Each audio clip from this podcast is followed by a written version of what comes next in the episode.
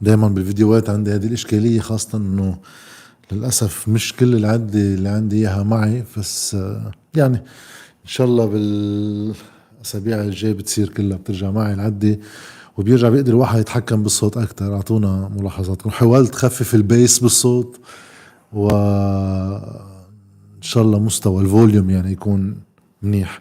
هذا الفيديو أنا حابب أحكي شوي عن الواقع اللبناني وطوفان الأقصى لأنه طبعا خلال الأسابيع الأولى للحرب مركز الخبر الأساسي هو بغزة وهو بالعدوان الإسرائيلي اللي صاير على غزة وتبعاته. ولكن لبنان طبعا جزء أساسي من اللي عم بيصير.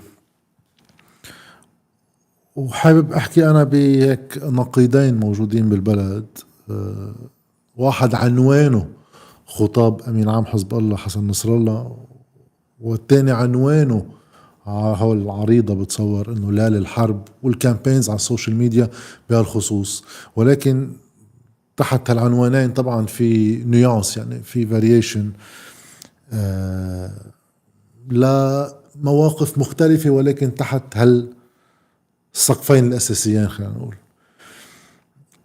بس البداية هيك عامة أول شيء المشكلة بالحديث عن لبنان وما يجري هو انحلال السلطة بلبنان بصورة كاملة. انحلال المؤسسات فعليا بلبنان وعجز السلطة السياسية اللي ما في لزوم نرجع نكتر الحكي فيه لأنه بتصور ما في حدا خايف عليه.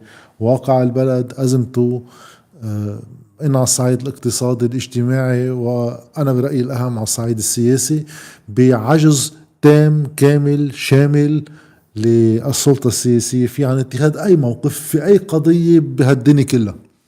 يعني اللي كنا نحكي عن قصة البنوكي إنه لا قادرين يحاسبون ولا قادرين إلا ما يخضعوا بس حتى الخضوع تبعهم مش قادرين يقروه بقوانين لأن ما في جرأة الاعتراف من دون ما يصير في انفجار داخل الكيانات السياسية اللي متحكمة بالقرار السياسي بالبلد. نفس الشيء ينطبق على الواقع اللي عم بيصير بفلسطين. عندنا دولة نحن عاجزة عن أي قرار إلى جانب عجز المؤسساتي يعني عاجزة عن القرار السياسي نفسه بأنه لا قادرة تقول بدي أعمل سلام يا أخي ولا قادرة تقول بدي أعمل حرب ولا قادرة ما قادرة تعمل شيء. أي موقف تاخده السلطة السياسية بلبنان بفجرها من الداخل. هالقد صار العجز آه، متحكم بكل مفاصل السلطة السياسية. هذا لازم نتركه عنوان عام لأنه وقت واحد يسأل وين لبنان واحد وقت يسأل آه، وين أي دولة وين تركيا وين السعودية وين إيران من الصراع القائم. بيكون فعليا عم يحكي عن قرار السلطة السياسية في أي دولة من هالدول. بلبنان طبعا وقت واحد يحكي وين لبنان ما في سلطة سياسية. هون بصير هيك سينيكل الحديث بالساخر الحديث بالسياسة آه، الموقف الرسمي للسياسة اللبنانية. تحت هذا العنوان العريض نوصل لخطاب أمين عام حزب الله السيد حسن نصر الله سمعت الخطاب مثل ما بتصور أغلب الناس سمعته.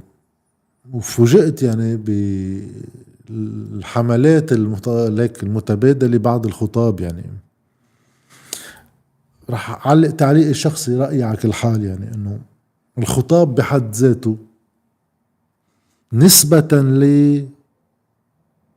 للسياق اللي في البلد ونسبة للسياق اللي فيه الخطاب نفسه. نسبة للسياق اللي حزب الله بده ياخذ موقف من ضمنه اللي هو من ميلة في واقع لبناني مهترئ. يعني إذا أكل نفخة مش حرب مين بده يرجع يعمر؟ مين بده يرجع ينظم؟ السلطة السياسية كيف تتصرف؟ المجتمع كيف بيتصرف بانقسامه القائم؟ هيدي constraint يعني هيدا محد واحد. الثاني واقع الردع بينه وبين إسرائيل اللي هو هذا الصراع قائم من زمان بمحاولة آه، تغيير حدود آه، هو قواعد الاشتباك وغيره لحدود قدرتك على الردع اللي كل مرة في حدا كان حزب الله من جهته أما العدو من تاني جهة بجربوا يطوروا من الوقائع العسكرية على الأرض لياخدوا مكتسبات في واقع بده يتحافظ عليه بالحد الأدنى إذا ما بده يصير في تعزيزه. ولكن هذا الواقع في محد ثالث متعلق فيه إنه تدويل يعني يعني خروج الصراع عن حدود غزة لا يدخل عليه لبنان لا يدخل عليه سوريا لا يدخل عليه العراق لا يدخل عليه اليمن. اجا إجت السلطة الأمريكية تقول أنا موجودة بهالمعادلة والوجود بهذه المعادلة معناته الفعلي إنه أنا بتدخل بالحرب وفي البوارج بالبحر وفي غيره. طيب ضمن كل هالمحدات هيدي إجا خطاب حسن نصر الله شو يقول بكل بساطة؟ نحن في الحرب أساسا مش رح أنه هلأ بدنا إعلان حرب نحن بالحرب توسيع حدود هذا الحرب له شروط وظروفه. هالشروط والظروف متعلقة بالأمرين اللي أعلن عنهم الاعتداء على لبنان وحجم الاعتداء على لبنان وتغيره. وتاني شغلة آه، فعليا الخط الأحمر على منع تهديد آه، إزالة حماس. طيب. طبعا في خطاب طويل عريض بس هيدا الأساس اللي فيه. لقيت الخطاب أنا بحد ذاته جيد نسبة لهالظروف كلها سوا اللي اللي فيها البلد. ما بعرف شو كان واحد متوقع أكثر أم أقل؟ المشكل هو أنا برأيي مش بالخطاب المشكل بالشعبوية الموالية والمعارضة لحزب الله قبل الخطاب وبعده.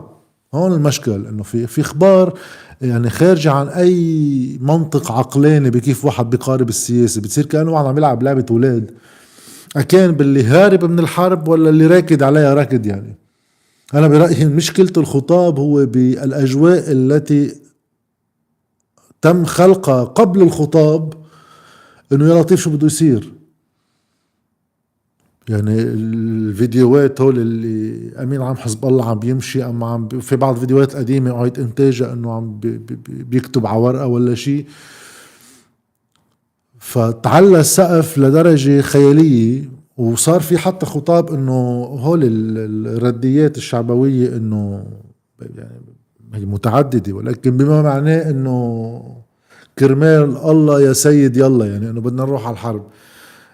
الحرب لا تخاض هيك من دون أهداف إنه نحن بدنا نرمي إسرائيل بالبحر يعني حتى اضطر أمين عام حزب الله اللي بهالظروف تحديدا إحدى واجباته كقائد لمنظمة مسلحة تحشيد الناس تحشيد قواعده. اضطر يقول لهم إنه نحن باللحظة السياسية اللي نحن فيها ما في قدرة على الانتصار بالصراع مع إسرائيل بالضرب القاضي هذه بتصير بالنقاط وهذا اللي عم نقوم فيه وكذا. ليهدي شوي الناس المندفعة زيادة عن اللزوم لأنه وقت واحد يدعي للحرب بده يحط لها شو عنوانها شو الهدف. إذا كان الهدف اليوم الانتصار بهالحرب بده واحد يحط شو يعني الانتصار بالحرب؟ مع إنه الحرب هي شنتها إسرائيل على حماس بعد عملية طوفان الأقصى. وصار عنوان الإسرائيلي إنه القضاء على حماس الانتصار بالحرب هو منع القضاء على حماس. بالتالي بصير السؤال هل فتح الجبهة بأكثر من ما هي مفتوحة عليه بفيد هذا الهدف النهائي ولا لا؟ مش إنه أنا بحب الحرب للحرب أما في ناس متوهمة إنه نحن هلأ قادرين نفوت بحرب ننهي إسرائيل بكرة الصبح.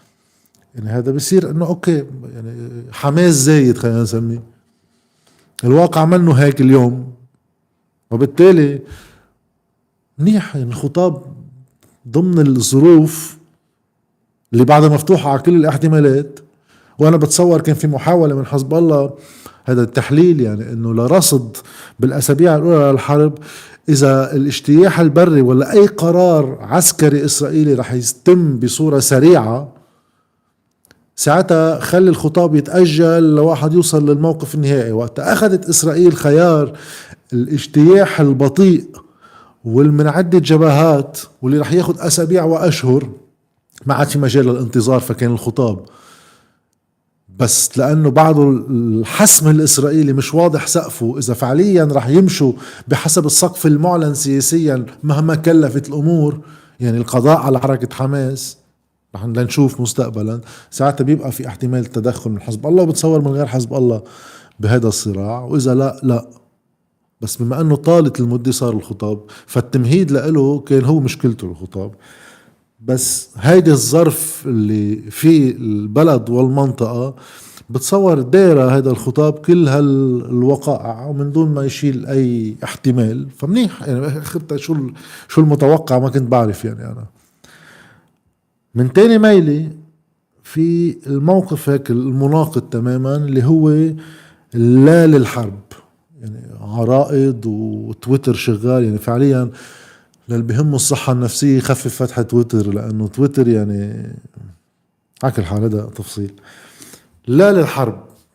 وبنمضي عريضة وبصير في جو. وهالجو طبعا على آه، ردية بنكررها كلنا وكل الناس إنه البلد بطل يحمل حرب. يعني إنه هلا كنا عم نحكي إنه هذا بنفخة بيوقع. يعني شتت الدنيا بيطوف البلد بيبقى جماعتين ما نعرف شو بدنا نعمل. شو يعني حرب؟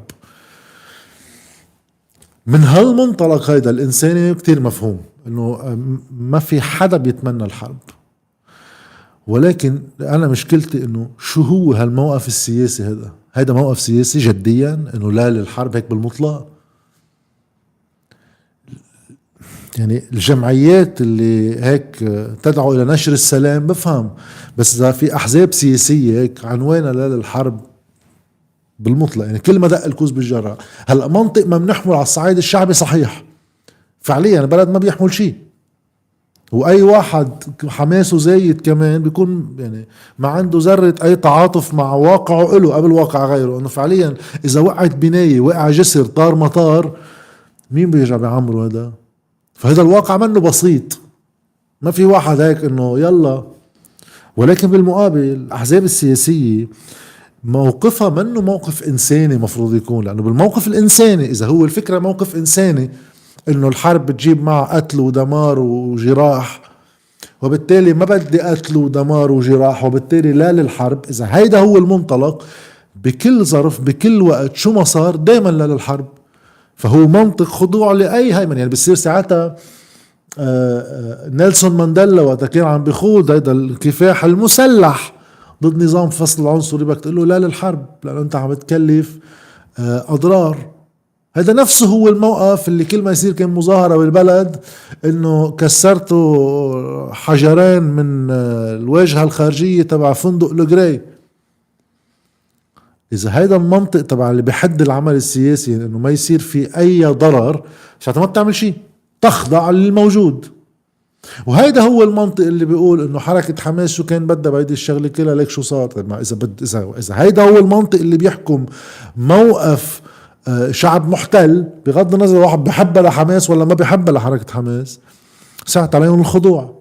ما فيهم يعملوا شيء لأنه أي عمل مقاوم أما رافض رح يواجه والمواجهة رح تجيب معه أضرار. درءا من الأضرار سد بوزك وقعد بالبيت. هذا هذا سياسي. يعني هيك واحد بيقدر ياخد موقف. في مشكل برأيي أنا.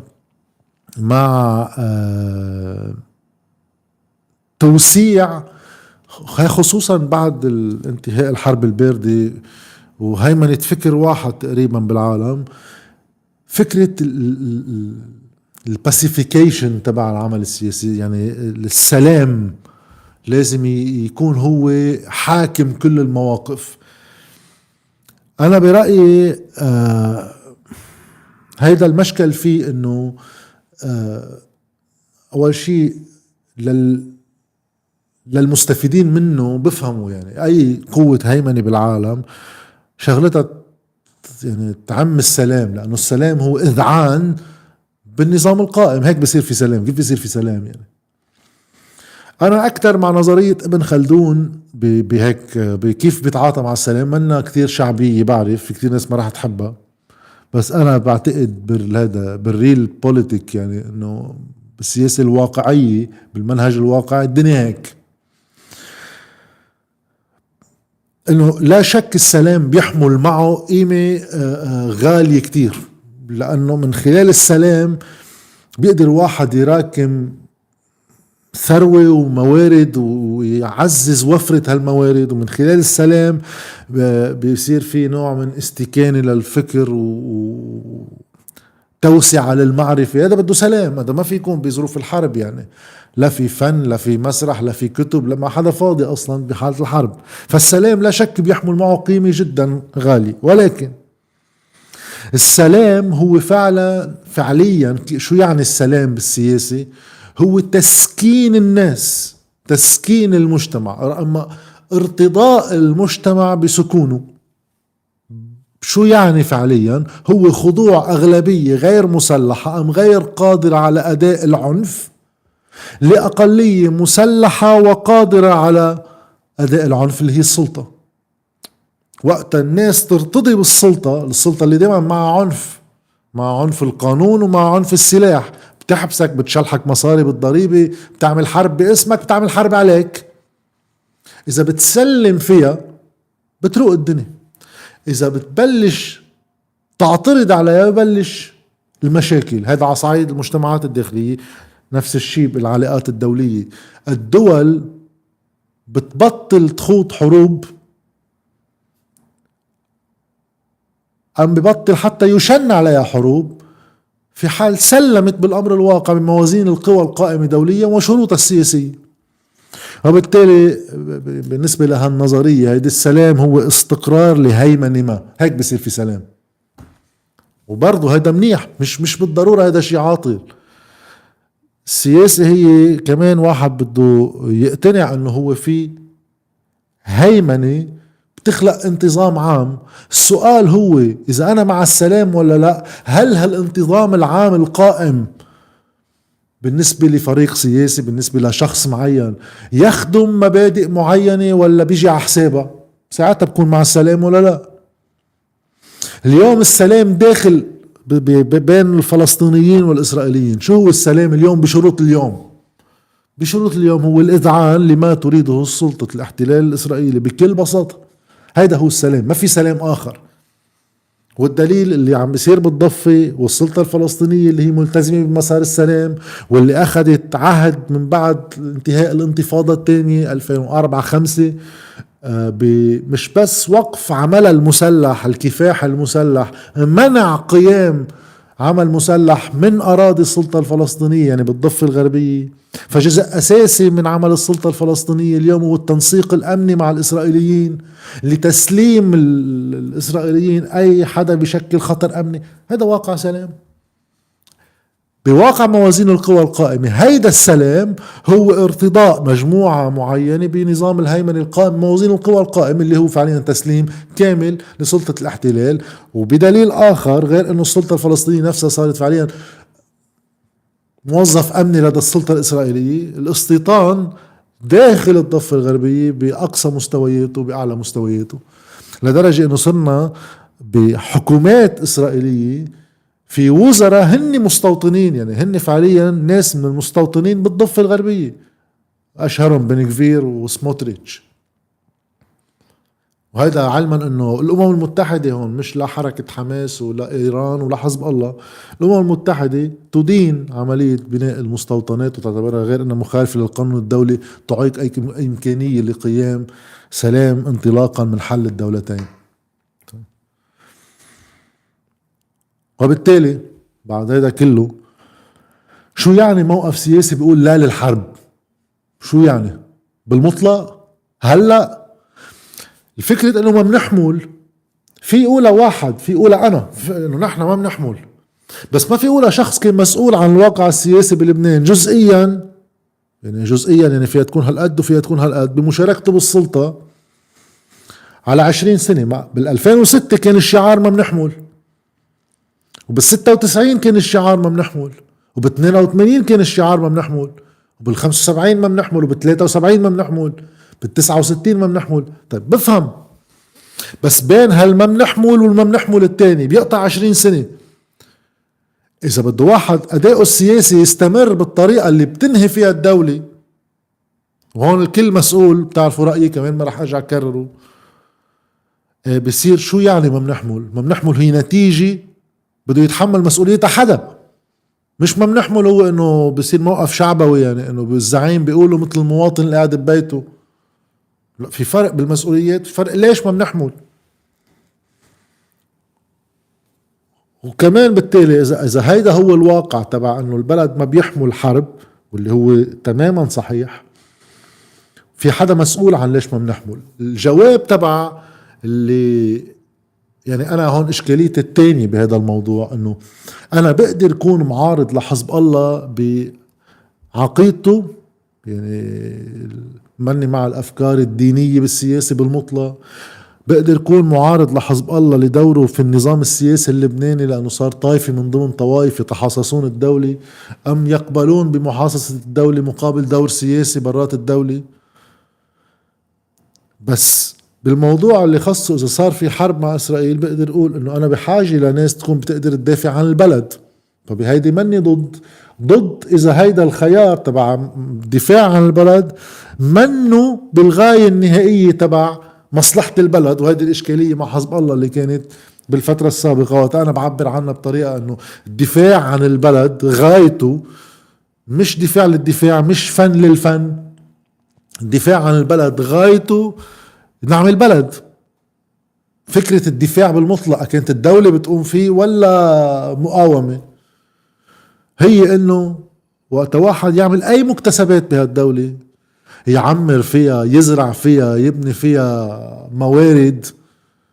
هالتراكم اللي عم تعمله السلطة فيه والمجتمع؟ مش يجي واحد من برا إما يقصفه ويدمره إما يستغل هالموارد ويحولها لعنده أما يستغل مواردنا البشرية يد عاملة رخيصة عنده. فبالتالي أنا أي دولة بالعالم تعمل قدرات دفاعية لتحمي حالها فتتقدر تعمل مكتسبات داخلية. ما في حزب الله يكون حركة مقاومة على الحدود ومش فرقانة معه إذا البلد مجرور جوا. ومن هون بصير السؤال شو الغاية النهائية للمقاومة؟ ولكن هيدا ما بيصير موقف من الحرب نفسها ولا بصير مع إسرائيل لأنه أنا ما بحب حزب الله. بصير في شيء هون. إما بينافي ليش أنت فعليا ضد حزب الله؟ مش لأن بدك تعمل بلد ولأنه إنه العبور للدوله لأنه بكل بساطة اللي حامل سلاح شيعي وأنا سني ولا أنا مسيحي. لو حملها واحد مثلي من طائفتي كنت بغير موقفي. يما فعليا الهدف مش إنه معارضة حزب الله الهدف خيار سياسي أوسع من حزب الله. وفي واحد يعارض حزب الله. يعني فيه ثلاث خيارات. بس إذا بدك تعارض حزب الله مش ضروري تصير مع إسرائيل. هلا نرجع بس لقصة ليلة الحرب. واحد يطلع من قصة حزب الله كهو محدد للموقف. يعني بحسب موقف من حزب الله مع ولا ضد بحدد مواقفي من الدنيا كلها. يعني إذا أنا ضد حزب الله شو ما بيخدم حزب الله بصير أنا ضده وشو ما بيضر حزب الله بصير أنا معه حتى لو كانت إسرائيل.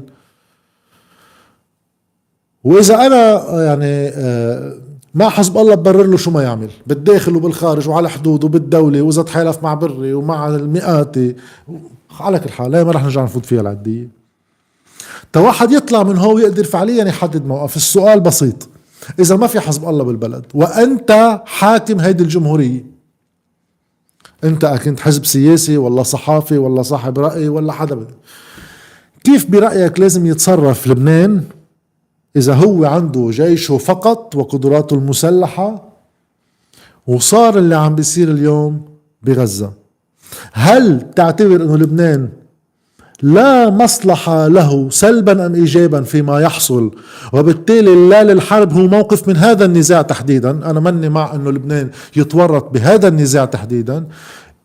وإما بلا لبنان له مصالح فيما يحصل وبالتالي لازم يكون في له دور معين. ساعتها من بعد إذا قلنا إيه شو هو هالدور؟ شو هو عسكريا وشو هو سياسيا وشو هو غيره؟ أنا بكل صراحة بتفق مع المنظار الثاني مبلا لبنان له مصالح مباشرة. لما نحكي عن أي تضامن عربي وإنسانية ونظام فصل عنصري. عم بحكي بس بالمصالح اللبنانية البحث البير. له مصالح مباشرة فيما يحصل. لبنان اولا بعد عنده أراضي محتلة بالحدود بدها علاج لأنه هذه بتفتح على أزمات مستقبلية. أنا رأيي بعد حدوده البحرية معلقة وفي موارد قد تكون بهذا البحر بحاجة لأنه يكون قوة قوى دفاعية عن نفسه وقرار. ولكن بما يحصل تحديدا اليوم لبنان عنده لاجئين فلسطينيين شردوا من أرضهم ب 48 طلع مجموعة من القرارات الدولية تضم حق العودة. لجزء من هيدا مسار السلام وبالسنوات الأخيرة بالعق... بالأساس إسرائيل موقفها الرسمي مش إنه واحد عم بحمل مؤامرة وكذا الموقف الرسمي ما في حق للعودة بحلول هذا القضايا الحل الدائم. ما في عودة. حطوا بالزمانات على أيام رابين بال 94 إنه حق العودة يقتصر على الناس اللي بعدها عايشة هي شخصيا من اللي شردوا ب 48 يعني الناس عم نحكي كان صار عمرها 80 سنة وكذا وقعدوا يعدون وإنه بنفوت 10000 واحد. ومن بعدها إسرائيل ولا مرة في حق عودة. بالتالي لبنان عنده مصلحة مباشرة بهذا الموضوع يكون موجود ويكون له موقف. والموقف هون بصير واضح. إذا اليوم انشال من إيد الفلسطينيين نفسهم. أي قدرة على المقاومة والدفاع عن نفسهم. تحت شعار إنه إسرائيل في مصالحها الأمنية وبالتالي امبارح نتنياهو بكلمته مع ال ABC إذا ماني غلطان قال لا أستبعد إنه إسرائيل تبقى عم تحكم غزة لفترة من الوقت. يعني هذا إذا قدروا نجحوا إنه يشيلوا حماس. هل للبنان مصلحة أن الفلسطينيين تنشال منهم أي قدرة على مقاومة الاحتلال؟ وبالتالي القرار السياسي يكون محصور بإيد الإسرائيلي اللي بيحتل أراضي وبإيد السلطة الفلسطينية اللي مسلمة بمسار مفاوضات الإسرائيلي علنا شايل منه حق العودة. وآخر خبرية تبع ترامب هذه اتفاقيات أبراهام. دشنا بوقف تمويل أمريكا بوقتها للأنروا اللي هي يعني منا جمعية خيرية الأنروا بتوزع مساعدات للفلسطينيين، الأنروا أنشئت بقرار من الأمم المتحدة لضمان حق العودة للفلسطينيين بصفتهم لاجئين، إذا أنا بدي ألغيها فعليا أنا كأمريكا هيدي اللي دائما هي بدها تكون راعية مبادرات السلام. مرة جديدة بتوصل للسقف الإسرائيلي اللي كانت أمريكا ما تقول هذا الحديث بتوصل لأبعد من السقف الإسرائيلي وبتقول فعليا إنه ما في حق عودة. هل للبنان مصلحة بهذا الشيء؟ هل للبنان مصلحة بإنه اليمين الإسرائيلي المتطرف اللي يعلن علانية كمان مش نظريات مؤامرة ولا تسريب صحافي يعلن علانية من نتنياهو تنبلش هذا اليمين المتطرف التقليدي بس وصولا لسموتريتش وبنكفير ونفتالي بنت يقولوا فعليا إنه الضفة الغربية ليست جزء من أرض فلسطينية. هيدي لازم تخضع للسلطة الإسرائيلية جزء من الأرض الإسرائيلية يعني. هل لبنان عنده مصلحة بصراع رح يودي إلى اقتتال بيؤدي إلى ما يؤدي إليه؟ جزء منها معقول تكون هجرات جديدة. ثلاثة أم أربعة. هل لبنان مصلحة وهو المتعدد طائفيا واجتماعيا؟ إنه يصير في تثبيت لشرعية دولة حد انطلاقا من منطلق ديني يهودية الدولة؟ بيحمل لبنان تفوت المنطقة على تحالفات أم خصومات من منطلقات دينية؟ مش أول بلد بينفجر هو هو. وبالتالي هيدا البلد مفروض يكون عنده موقف مما يحصل انطلاقا قبل التضامن مع حدا تاني من تحديد مصالحه له هو شو مصالحه من الصراع القائم؟ شو مصالحه؟ يعني الحلو ب بهيدا الواقع اللي نحن فيه إنه مع... اللي راهنوا على مسار السلام في قدامنا تجربة. هالتجربة أولا اسمها السلطة الفلسطينية. ثانيا اسمها واقع الضفة الغربية وثالثا اسمها رد على النظريات العربية بعض النظريات العربية اللي كانت قائمة بالسبعينات وقبل شوي إنه يجب تليين الموقف الإسرائيلي من خلال تليين الموقف العربي. يعني تنخفف التطرف الإسرائيلي. خلينا نحكي معهم ناخذ ونعطي. وإجا آه، السلام المصري سنة 79 إجت أوسلو مع السلطة الفلسطينية بال 93 ووادي عربة بال 94 مع الأردنيين. وآخرهم التطبيع الإمارات البحرين والمغرب بعد اتفاقيات آه، أبراهام مع أيام ترامب. طيب هيدا المسار اللي عم بيوسع من دائرة التطبيع بين بعض الدول العربية وسلام بعض الدول العربية وإسرائيل. شو اجى معه داخليا بإسرائيل؟ إذا بنطلع من سنة السبعة وسبعين لليوم يعني قبل بسنتين من معاهدة السلام مع مصر لليوم عم نطلع بأكثر من 40 سنة صاروا 50 55 سنة اللي هو. من وقتها فعليا حزب العمل اللي كان يعتبر هذا الأكثر آه شو اعتدالا بقلب إسرائيل انه الليكود هو المتطرف انتهى حزب العمل. يمكن على بعضهم حكموا فترة صغيرة بالثمانينات أبو سنتين زمان كانت حكومة وحدة وطنية كان فيها شيمون بيريز وبيجن إذا ماني غلطان. رجع فترة رابين كمان فترة صغيرة لوصلت باغتياله ورجع آخر سنتين على أيام إيهود باراك يعني آخر 45 سنة ما بعرف إذا فيهم ست سنين من حزب العمل. الباقي كله الليكود اللي كان يعتبر بوقتها هو اليمين المتطرف وخلق تطرف أوسع بالداخل الإسرائيلي على شكل الأحزاب الحريدية وغيرها المتطرفة. طيب لكن السلطة الفلسطينية اللي مشيت بأوسلو واللي بلشت تنسيق أمني واللي صارت آه، مكافحة للأعمال المسلحة سلام مع مصر سلام مع الأردن تطبيع عربي إيه، وما عم تلين إسرائيل عم بتروح أبعد من هيك. هل هيدا بجيب معه حل؟ وشو واقع لبنان بهيدا كله؟ طيب ساعتها خلينا نرجع للسؤال الأساسي. ما في حزب الله في دولة لبنانية. شو لازم يكون موقفها؟ وهالدولة اللبنانية وهون حزب الله بصير انكلودد إذا موقفها هو موقف جزء من الصراع وبيتحدد شكله بقدراتها وإمكانياتها. ما في يقعد واحد بين بين جولة صراع وجولة صراع بيقطع 10 15 سنة. ما تبقى من موارد بهالدولة بنبددها وبنسرقها تما نحكي إنه نحن إذا مقررين يكون لنا موقف بهذا الصراع بده يكون في حد أدنى من تهيئ للمجتمع آه، من خلال مستشفيتين يعني يكونوا بيشتغلوا. تما نحكي إنه شوية ملاجئ إمكانية اللي آه، يكون في عنا نفط مخزن لأكثر من 30 يوم. وغيره طبعا من كل البنى التحتية اللازمة. من هون بصير هذا كمان هذا أجواء تويتر للي ما كتير حبوا آه، الموضوع اللي اشتغلته عن موضوع اقتصاد إسرائيل. هون أهمية الاقتصاد ببناء اقتصاد حرب إنك تكون قادر تطور اقتصادك بما تتطلبه ظروفك الإقليمية وخياراتك السياسية الكبرى. فإذا أنت معتبر حالك جزء من عملية صراع. بدك تشوف شو القطاعات اللي بقدر نميها أنا وبهذا الصراع. وهي مش بالضرورة مع الأمريكاني بقدر أعملها مع الروسي بوقت الاتحاد السوفيتي بقدر أعملها اليوم مع الإيراني. بقدر أعملها مع السوري يا خيي بزمانات لما واحد يحصر القصة لأنه بعرف إنه أمريكا هي اخذ طرف إسرائيل لا شك. وتقدر تبني حد أدنى. ما راح تقدر تكون قد إسرائيل لأنه ما راح ينفتح عليك العالم بكمية استثمارات قد إسرائيل. بس مش ضروري بالمقابل تصير مجرور. مش ضروري يعني كل ما تشتت الدنيا البلد يطوف. هيدا الطوفان تبعنا يعني. فهون بصير المسؤولية الكاملة. إذا واحد مقرر كدولة ياخذ هذا الخيار بده يح... بده يهي... هيدي البنية.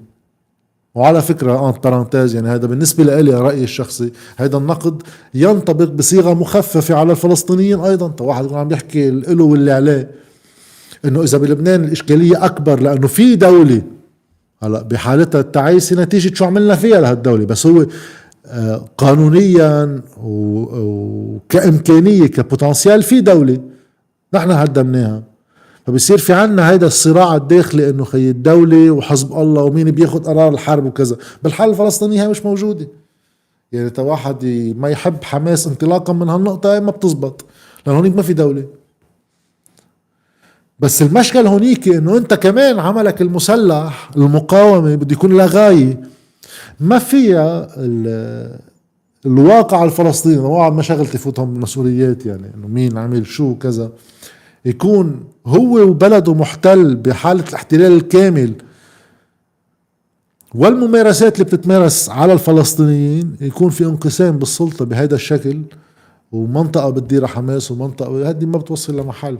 بصير الهدف من المقاومة هو الصمود فقط بس مش تحقيق أي مكتسب يقدر يترجم سياسيا عند انتهاء أي صراع. وما تواخذونا طولنا عليكم. راح حاول لأنه قبل بمرة ما قدرت أقرأ الكومنتس اللي عم يصيروا. ما طول يعني بس بشي خمس دقايق. إذا في شي أسئلة بقدر رد عليها. لأنه هذا التليفون أنا عم بطلع هول لايفات فبيطلع كتير صغير. فقربنا هلأ جبنا ال iPad بس لنقدر نشوف إذا في حدا. بشكر اللي عم بيشكرني واللي عم بيسبني حرية تعبير الدنيا. Okay. حبها لحماس كذا بس نحن بلبنان. هاي قصص المسيحي والمسلم أنا ما كثير بتعني لي. هل تعتقد إن عدم التدخل العربي نوع من الجبن أم حكمة أو تعقل؟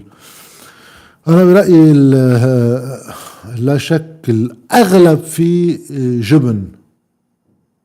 الأغلب فيه بعرف إنه في دول يعني أنا بقسم أجزاء الأمور إنه في دول على تماس مباشر عندها مصالح أكثر من ملحة بهذا الواقع وعندها دور أفعل من غيرها بتقدر تلعبه. يعني اليوم ما فيها تكون عمليات المقاطعة شغالة وبنعمل حملات على ال social media على على ماكدونالدز وقتها. قرروا بدهم يوزعوا وجبات مجانية للجنود الإسرائيليين وقت بلشت حرب ولازم ومقاطعتها أما ستاربكس طيب وفي أنظمة حتى ما أقول أنا هلأ إنه آه، وقف بيع البترول. مع إنه هذا سلاح بالإيد لازم يستخدم بس مع هيدا تيسير بده يكون في حد أدنى من مقومات لك شيء اسمه آه، قيادة عربية مشتركة. يعني جامعه الدول العربية يكون محددة أهداف معينة. إذا مصالح وطنية لكل دولة عربية في كتير ناس بتكب بالقصة إنه خلي الفلسطينيين ينضربوا. بس على كل حال تما واحد يوصل لهون لك الحد الأدنى بس ما, ما تخلوا بوليفيا تزايد عليكم. اللي فتحوا علاقات تطبيع بس إنه خي, خي ما يوقفوا التطبيع. تكون هيك واحد كتير آه، شو بيقولوا عم بيساير هددوا يعني بطلع بيان خي لإسرائيل إنه يا بتوقفوا هذا العدوان يا نحن بدنا نوقف. حد أدنى. وبالحالة المصرية في معبر رفح. ما في يكون معبر رفح خاضع للسيادة الإسرائيلية. يعني إنه بالمطلق إنه شو بفوت شو ما بفوت. خاصة إذا في واقع إنساني سيء بهذا الشكل. فلا الواقع العربي بأسوأ أحواله للأسف. مع إنه في بعض المواقف جيدة في بعض التدخلات جيدة ضمن الممكن يعني بس إنه هي أقلية ساحة. آه فينا نقنع حدا ضايع ضد الحزب ضد أنا مشكلتي هلأ ما عم بقدر أقرأ مزبوط. ثواني نقنع حدا ضايع إنه ضد الحزب ضد اللي عم تعمله إسرائيل يصير مع الحزب.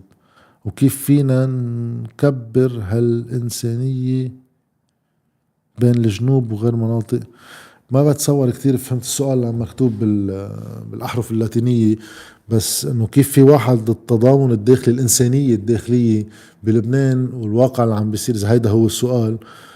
هلأ تو ليت يعني. هلأ واحد في بالدعوة يدعي وإنه خيي شو ما صاب هيدا البلد بالآخر لازم واحد بالتي هي أحسن يضب على أهله تما يتحول أي من المخاطر الخارجية.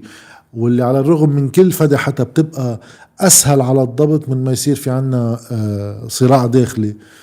بس هيدا بال بال بال بالدعوة والخطاب وكذا ما بينفع بشيء يعني. هيدا في مجتمع وقت واحد يخلي الاستقطاب فيه على عشرين سنة بأعلى مستوياتها والدولة آه، بتغيب عن معالجة هيدا الاستقطاب. يعني تأمن حلول سياسية قدام الأسئلة التي تطرح. إذا هذا الشيء بيغيب وبصير الاستقطاب هو المهم تنقدر نخلق عصبيات حزبية. ما في يجي واحد لحظة الحزة يعتبر إنه هلأ بدنا نخلي المجتمع يتضامن ببعضه. للأسف هلأ تو ليت هلأ الواحد بده يحد الخسائر. ألا ترى أن الانقسام بالعكس مما تقول هو اللي مكن للمقاومة أنه تطور قدرتها وتنظم نفسها؟ لو بقيت السلطة تحكم غزة كانت نسخة عن الضفة. هو هو على فكرة يعني الانقسام أنا بالنسبة لي ماشي هلأ ما رح فوت بالأمور الفلسطينية لو واحد بده يرجع على من أوسلو وكيف تركبت لبعد ياسر عرفات شو تركب أدوار السلطة كيف تغيرت وإنه بيجي بعدين هذا شو اسمه الجنرال دايتون بال 2004 أما خمسة وقت المفاوضات على أيام محمود عباس تهو يعمل عقيدة أمنية للفصائل المسلحة للسلطة الفلسطينية تتصير ضد الإرهاب. دور السلطة الفلسطينية منظمة التحرير بدل ما تكون هي شيء جامع لكل الفصائل الفلسطينية صارت أداة بإيد السلطة بالصراع الداخلي الفلسطيني. ما هن هو كله تراكم ولا ما راح فوت بمين مسؤول عن شو. ما بتصور كانت السلطة قادرة تمنع المقاومة تقوم بأدوار المقاومة؟ لأنه إذا بتقدر كانت فعليا إسرائيل قامت بهالمهمة ومنعتها. بس لا شك كانت المخاطر بتزيد من الاحتكاك المسلح اللي معقول يرجع يوصلنا نفس المحل القضية ما رح فوت فيها معقدة وفيها تراكم تاريخي وبتصور في ناس يمكن حتى عندها معرفة فيها أكثر مني ما مش رح أتعدى على حدا طيب آخر شغلة هل أنت مع حل الدولتين؟ لا ماني مع حل الدولتين لسبب بسيط لأنه آه، غير قابل للتحقق يعني إنه فعليا اللي بيشوف سنة ال 2000 وزمني غلطان خمسة أم ستة وقت صار في آه، انسحاب أحادي من غزة وقت شارون كان في 7800 مستوطن بقلب غزة. 7800 بس. قامت القيامة داخل إسرائيل اضطرت إسرائيل تستخدم أسلحة يعني أجهزتها المسلحة من الشرطة للجيش. لإقناع وبعدين لفرض انسحاب 7800 واحد. من غزة وبعملية طويلة عريضة وصار أزمة داخلية من وراها. صرنا بواقع اليوم في 750 ألف مستوطن بقلب الضفة. كيف بدها تصير؟ الله لا يوريكم رح شوف لكم هون إذا بتبين على الكاميرا. آه، مقترح ترامب لشكل الدولتين هول الدولتين. إن شاء الله تبين على الكاميرا.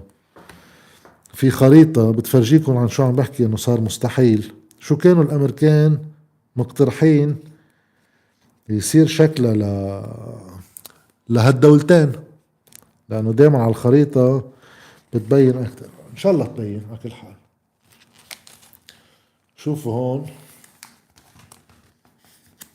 هيدا الشيء هون. هيدا مفروض كله فلسطين التاريخية. هلا اللي بالأزرق هو المفروض يصير الدولة الفلسطينية.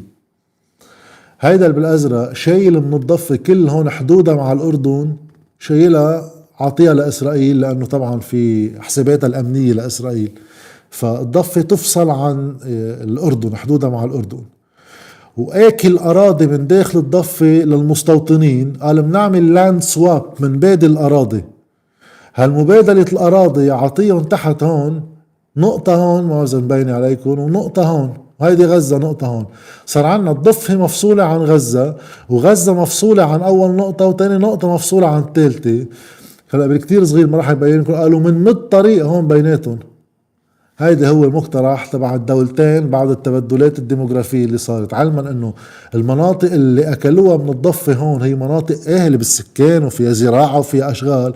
عاطيهم هون نقطتين هيدي هون في صحراء. هون ما في شيء يعني شو بده يحكي الواحد؟ هيدا حل الدولتين هيك بصير يعني. فلا مني مع حل الدولتين. وآخر سؤال طولنا عليكم. What's after this war يعني؟ بعد هيدي الحرب آه، أنا برأيي كل هالصراع القائم هو لمحاولة الوصول لهالنقطة تحديدا. على أي شروط تنتهي الحرب؟ وهذا برجعنا على النقطة اللي بلشت فيها إنه خوض الحرب من عدمه آه، وحجم خوض الحرب إذا بتبقى حدودية عم نحكي هون بالحالة اللبنانية ولا بيصير في صواريخ ولا بيصير في عمليات برية معقول اللبنانيين يقوموا فيها بعد تهديدات سابقة. هو بتحدد شو بده الواحد من انتهاء الحرب. إذا اليوم الانتصار بالحرب هو إفشال السقف الإسرائيلي اللي هو إنهاء حماس وقف إطلاق النار هو الانتصار بالحرب. وقف العدوان الإسرائيلي هو انتصار بالحرب.